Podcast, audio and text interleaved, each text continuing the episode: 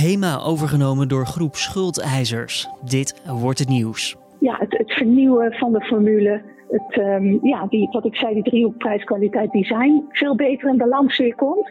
dus er moet echt in die Nederlandse winkels moet echt wat gedaan worden. Door zich op deze punten te richten, kan het merk zich opnieuw uitvinden en daarmee weer een stevige positie op de markt innemen. Al dus hoogleraar Kitty Koelemeijer van de Nijrode Business Universiteit. Zo praten we erover door. Eerst kort het belangrijkste nieuws van nu. Mijn naam is Julian Dom en het is vandaag maandag 15 juni. De rekenmethode om stikstofuitstoot en neerslag te berekenen moet worden verbeterd. Dat concludeert een commissie van experts. Het adviescollege adviseert om het rekenmodel op korte termijn aan te passen, zodat deze geschikt is om vergunningen mee te verlenen. Het belangrijkste bezwaar is de onbalans tussen het kabinetsbeleid, dat op basis van gedetailleerde informatie wordt gemaakt, en de onzekerheid van de stikstofberekeningen. Die onzekerheid zit hem onder meer in het bepalen van de totale omvang van de stikstofuitstoot en in hoeveel stikstof er precies neerslaat per hectare. Er komt toch geen minimumuurtarief voor zelfstandigen, zoals het kabinet vorig jaar aankondigde. Zo'n maatregel is een te grote administratieve last, zorgt voor te veel onduidelijkheid, heeft geen draagvlak en is niet uitvoerbaar en handhaafbaar voor de overheid. Het probleem ligt vooral bij het berekenen van het juiste uurtarief. Directe kosten zijn relevant voor zo'n tarief, maar indirecte kosten weer niet. De 30-jarige hoofdagent binnen de Rotterdamse eenheid, die eind mei buiten functie is gesteld, heeft tenminste één keer geheime informatie met iemand buiten de politie gedeeld. Hij wordt verdacht van plichtsverzuim, ambtelijke corruptie, witwassen, drugsbezit en schending van ambtsgeheimen. Politiechef Fred Westerbeke noemt de verdenkingen in de zaak fors en laat weten dat het gedrag van de hoofdagent afstraalt op de gehele organisatie. Een Amerikaans gevechtsvliegtuig is vanochtend neergestort in de Noordzee. Aan boord was één piloot. Naar hem wordt nog altijd gezocht. De oorzaak van de crash is nog niet bekend. Het vliegtuig, een F-15, zou zijn neergegaan tijdens een grote trainingsmissie. Voor zover bekend was het een van de eerste grotere trainingsmissies sinds de coronacrisis. De laatste bekende locatie van het toestel was zo'n 100 kilometer vanaf de kust bij het Engelse graafschap Yorkshire. Het CDA heeft de sollicitatieprocedure voor het lijsttrekkerschap geopend. Volgende maand wordt de nieuwe nummer 1 van de lijst voor de Tweede Kamerverkiezingen volgend jaar gekozen.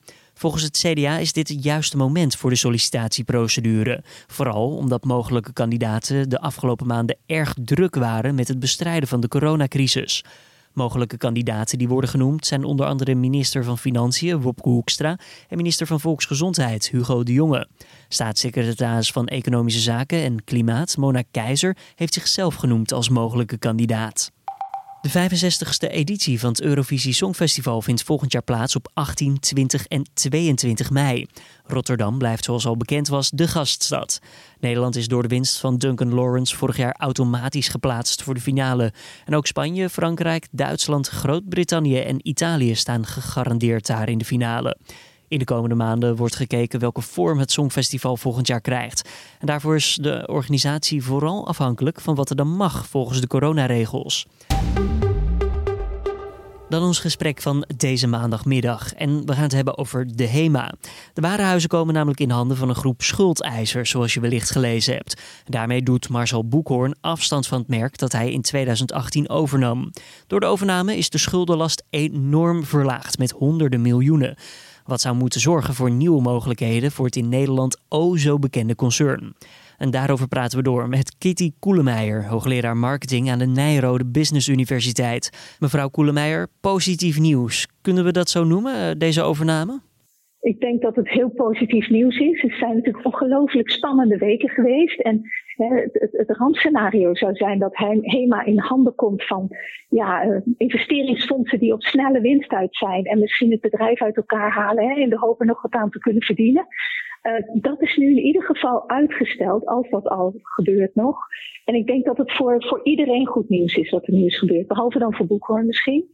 Ja, uiteraard. Maar eh, van de schuldeisers is het misschien ook wel een hele gedurfde stap. Zeker gezien de tijd waarin we leven. En dan doel ik op de coronapandemie.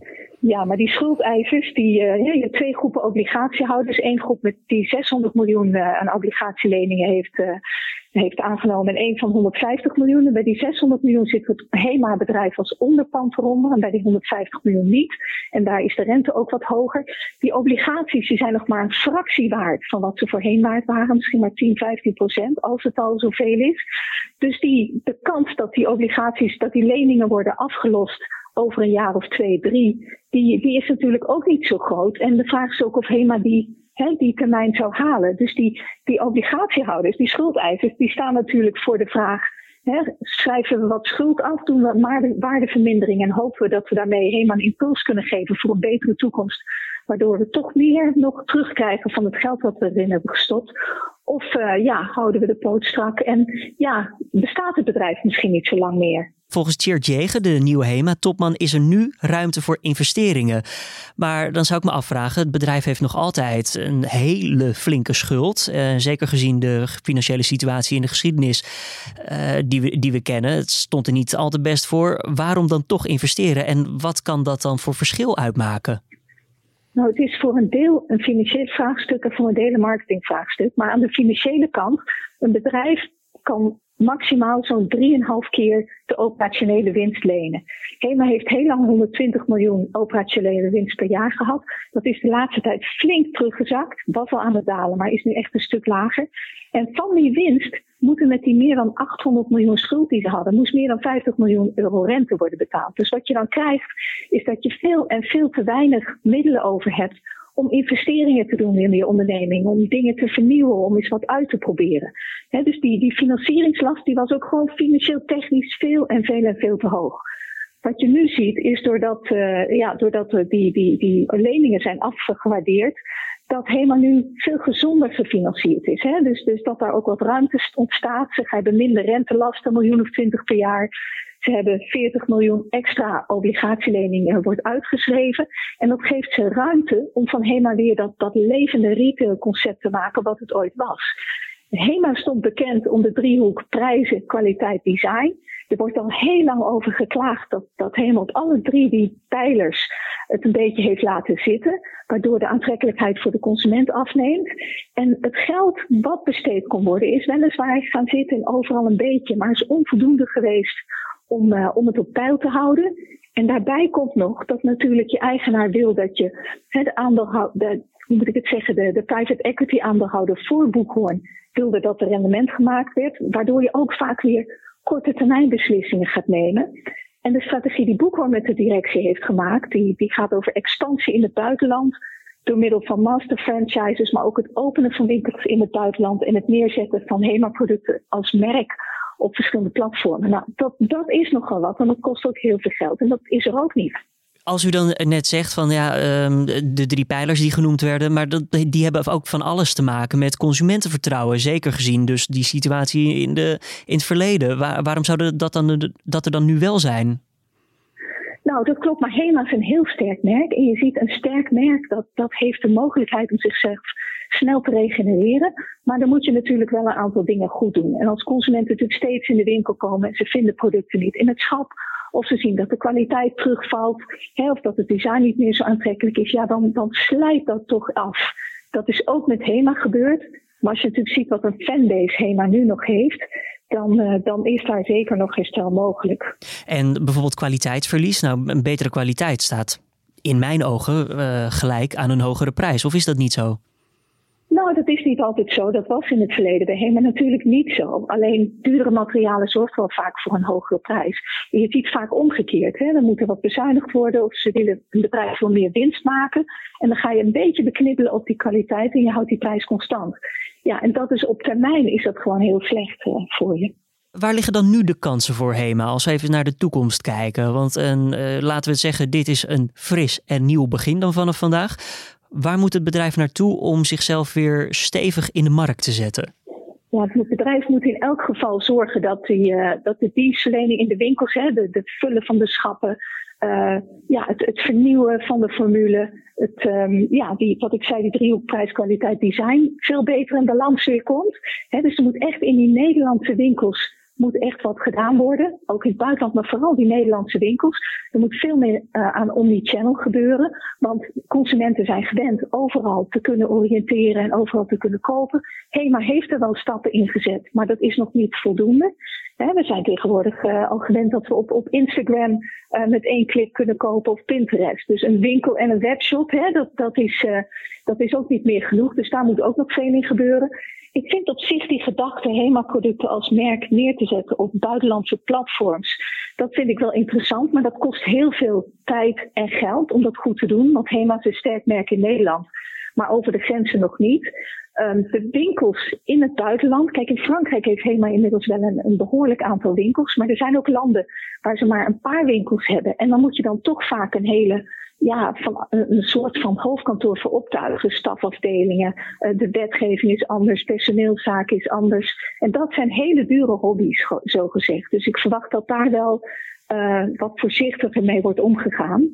En dan heb je nog de master franchise in het Midden-Oosten. Een bedrijf dat daar helemaal winkels gaat exploiteren. En ja, het is ook maar de vraag hoeveel dat echt gaat opleveren, HEMA. Als we even naar winkels kijken van HEMA, ja, ze hebben bijna 600 winkels, dat is aardig wat. Uh, maar volgens topman Jegen zullen er geen winkels verdwijnen en hoeft het personeel ook niet bang te zijn. Deelt u die opmerkingen gezien deze nieuwe situatie?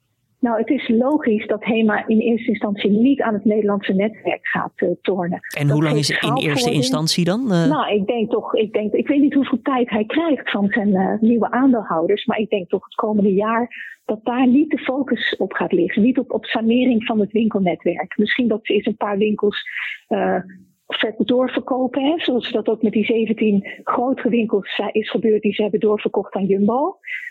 Dus dat soort uh, zaken kunnen nog wel gebeuren. Maar echt het sluiten van winkels, dat ondermijnt ook het winkelnetwerk. En dat ondermijnt ook je, je schaalvoordelen die je als retailketen hebt. In ieder geval als het gaat om Nederlandse winkels. En uh, ja, dus ik, ik verwacht niet dat daar, dat daar veel, uh, veel winst te behalen valt. Nu. Dus op den duur is uh, ja, veel, het hebben van veel winkels kan juist voordeliger uitpakken? Ja, alleen de vraag is dus hoe lang dat duurt. Want er kan natuurlijk een, een eh, inhaalslag komen via online, waardoor de winkels eigenlijk te weinig verkopen. En, en dat winkelnetwerk niet meer helemaal gerechtvaardigd is. dus het, het ligt eraan hoe dat zich ontwikkelt. Maar op dit moment geloof ik wel dat er, uh, ja, dat, er, uh, dat dat niet de eerste route is. En dat, dat zou ook geen vertrouwen scheppen. Um, het is natuurlijk wel zo dat ook HEMA onrendabele winkels heeft. Maar dat heeft elke grote keten, want dat is het gevolg van je groeistrategie, waarbij je zegt ik wil op zoveel mogelijk plaatsen winkels hebben. Dat geeft mij ja, een goede bezetting in het land, dat geeft mij schaalvoordelen. Zodra je daaraan gaat knibbelen, dan ondermijn je dat. Dus dat, dat is het, eigenlijk het probleem waar alle grote retailketens uh, tegenwoordig mee zitten. Nou ja, HEMA is in ieder geval zichtbaar, dat, dat zal niemand uh, ontkennen. Maar hoe, zit het dan uh, als laatste vraag met de concurrentie? Want er zijn meer winkels die eigenlijk doen wat HEMA ook doen volgens mij. Kunnen, verdienen zij dan wel nog een plek om, in deze maatschappij en verdienen zij het dan nog wel om gered te worden? Nou, het grote verschil is dat HEMA eigen merk verkoopt. Dus dat zijn HEMA-producten. Die kun je niet ergens anders kopen. Ja, die kun je nu op de platformen gaan kopen, voor een deel bij Jumbo. Maar dat blijven HEMA-producten. Maar een, een, een keten als Blokker, die verkoopt merkartikelen die ook op allerlei andere plaatsen te, te koop zijn. En dan krijg je die prijsconcurrentie hè, door de transparantie die je, die daardoor krijgt. En dat, uh, dat is, dat is een, een nadeel wat HEMA vooralsnog niet heeft. Kitty Koelemeijer, hoogleraar marketing aan de Nijrode Business Universiteit. Dank voor deze toelichting. Wil je nou meer lezen over dit onderwerp? Collega Eva Schouten heeft de nieuwe topman van de HEMA, Tjeerd Jegen, gesproken over de toekomstplannen. Een linkje vind je in de beschrijving van deze podcast. En mocht je luisteren via de nu.nl-app, dan kan je simpel zoeken naar het artikel HEMA Topman in de toekomst eerder meer dan minder winkels.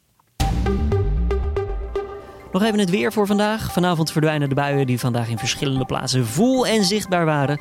En dan s'nachts vooral nog wat bewolking in het noord- en noordoosten. Verder vooral opklaringen in Nederland, maar mogelijk wel wat mist in het midden en zuiden van ons land. De temperatuur die zakt deze nacht naar ongeveer 14 graden. En terwijl de eerste race van de Formule 1 langzaamaan dichterbij komt, acht races staan tot nu toe op de agenda allemaal in Europa, wil de organisatie de kalender uitbreiden. En mogelijk betekent dat dat er ook twee keer geraced zal worden in China. Het circuit in Shanghai denkt namelijk na over een aanbod van de FOM, de organisatie van de Formule 1. Aanvankelijk zou gereest moeten zijn op 19 april in China, maar dat ging, zoals je waarschijnlijk weet, niet door. En nu wordt er gekeken of het mogelijk is om later dit seizoen alsnog die kant af te reizen voor dus twee races. In totaal hoopt de FOM op 15 tot 18 races dit jaar. En zodra daar meer over bekend is, lees je dat uiteraard hier bij nu.nl. Dit was dan de middagpodcast voor deze 15e van juni. Tips of feedback zijn altijd welkom. Stuur toe naar podcastapenstaartje.nu.nl. Heb je vragen voor de hoofdredacteur Gert-Jaap Hoekman? Stuur dat dan ook die kant op. En dan zullen we die mogelijk aankomende vrijdag tijdens de Week van Nu openbare redactievergadering podcast, om hem zo even te noemen, dan behandelen. Mijn naam is Julian Dom. Ik wens je voor nu een fijne maandag. Morgenochtend ben ik er weer met het nieuws van nu.nl.